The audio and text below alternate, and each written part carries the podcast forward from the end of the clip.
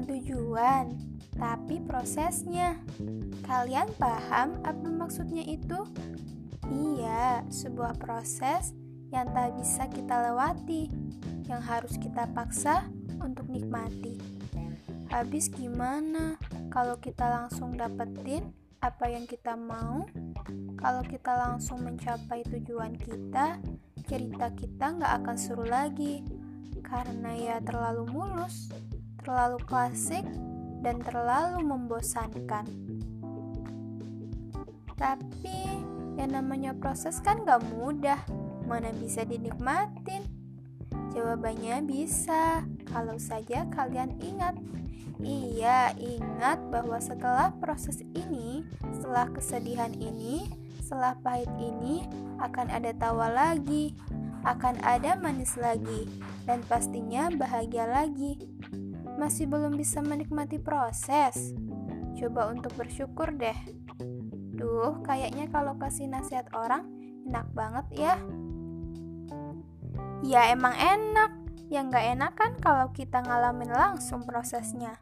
Tapi proses tiap orang itu berbeda loh. Kalian harus selalu ingat itu. Kalian gak bisa banding-bandingin proses kalian yang katanya berat itu dengan prosesnya teman kalian yang kelihatannya mudah. Karena meskipun bagi kalian mudah, belum tentu bagi mereka mudah. Mungkin saja bagi mereka itu sebuah kesakitan yang paling-paling menyakitkan. Jadi, dari sini kita harus bersyukur. Kalau mungkin kamu ngerasa prosesmu lebih berat, berpositif thinking lah. Mungkin saja Tuhan sangat menyayangimu. Dia ingin kamu, aku, dan kita semua yang sedang berproses paham tentang banyak hal yang sebelumnya kita abaikan.